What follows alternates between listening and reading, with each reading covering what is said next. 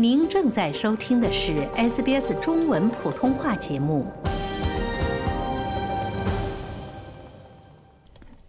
澳大利亚统计局公布的最新数据显示，二零二三年工资涨幅跑赢通货膨胀。澳大利亚的工作者们去年首次享受到了近三年来的实际年度工资增长。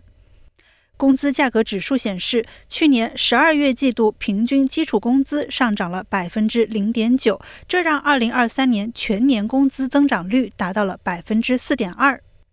这一数据也表明，无论是季度还是年度，工资涨幅都超过了通货膨胀率。根据消费者价格指数，去年十二月季度通胀率为百分之零点六，截至十二月的年度通胀率则为百分之四点一。据悉，上一次年度工资增长率超过年度通胀率是在二零二一年的三月，而百分之四点二的年度工资增长率也是自二零零九年三月以来的最佳纪录。此前，据路透社报道，经济学家们普遍预计，去年十二月季度基础工资将增加百分之零点九，年工资增长率为百分之四点一。对工作者来说，好消息是，大多数的经济学家都预计工资增长将保持在这一水平左右，直到今年年底。牛津经济研究院的肖恩·朗格克表示，劳动力市场开始放缓，这最终将影响工资增长。但工资制定系统中仍有很多追赶增长的空间，劳动力市场仍然处于紧张状态。我们预计工资价格指数季度增长率将在2024年保持在百分之零点八到百分之零点九左右。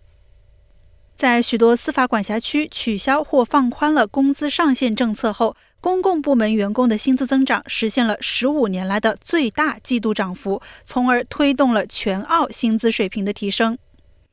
澳大利亚统计局价格统计主管米歇尔·马夸特指出，公共部门增长较高，主要是因为在各州工资政策发生了变化以后，医疗保险、社会援助以及教育和培训行业都实施了新的企业协议。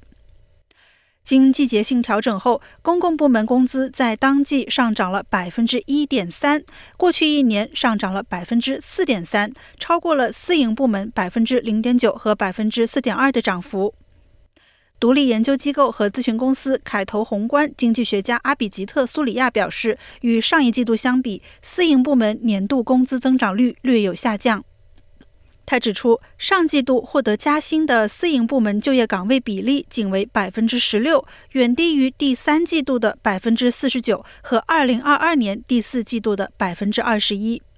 苏利亚表示，澳大利亚储备银行将更加关注私营部门的工资变动，因为这些变动对利率更为敏感，而且对消费者价格指数的影响更大。而储备银行正试图将消费者价格指数的年度增长率恢复到百分之二点五。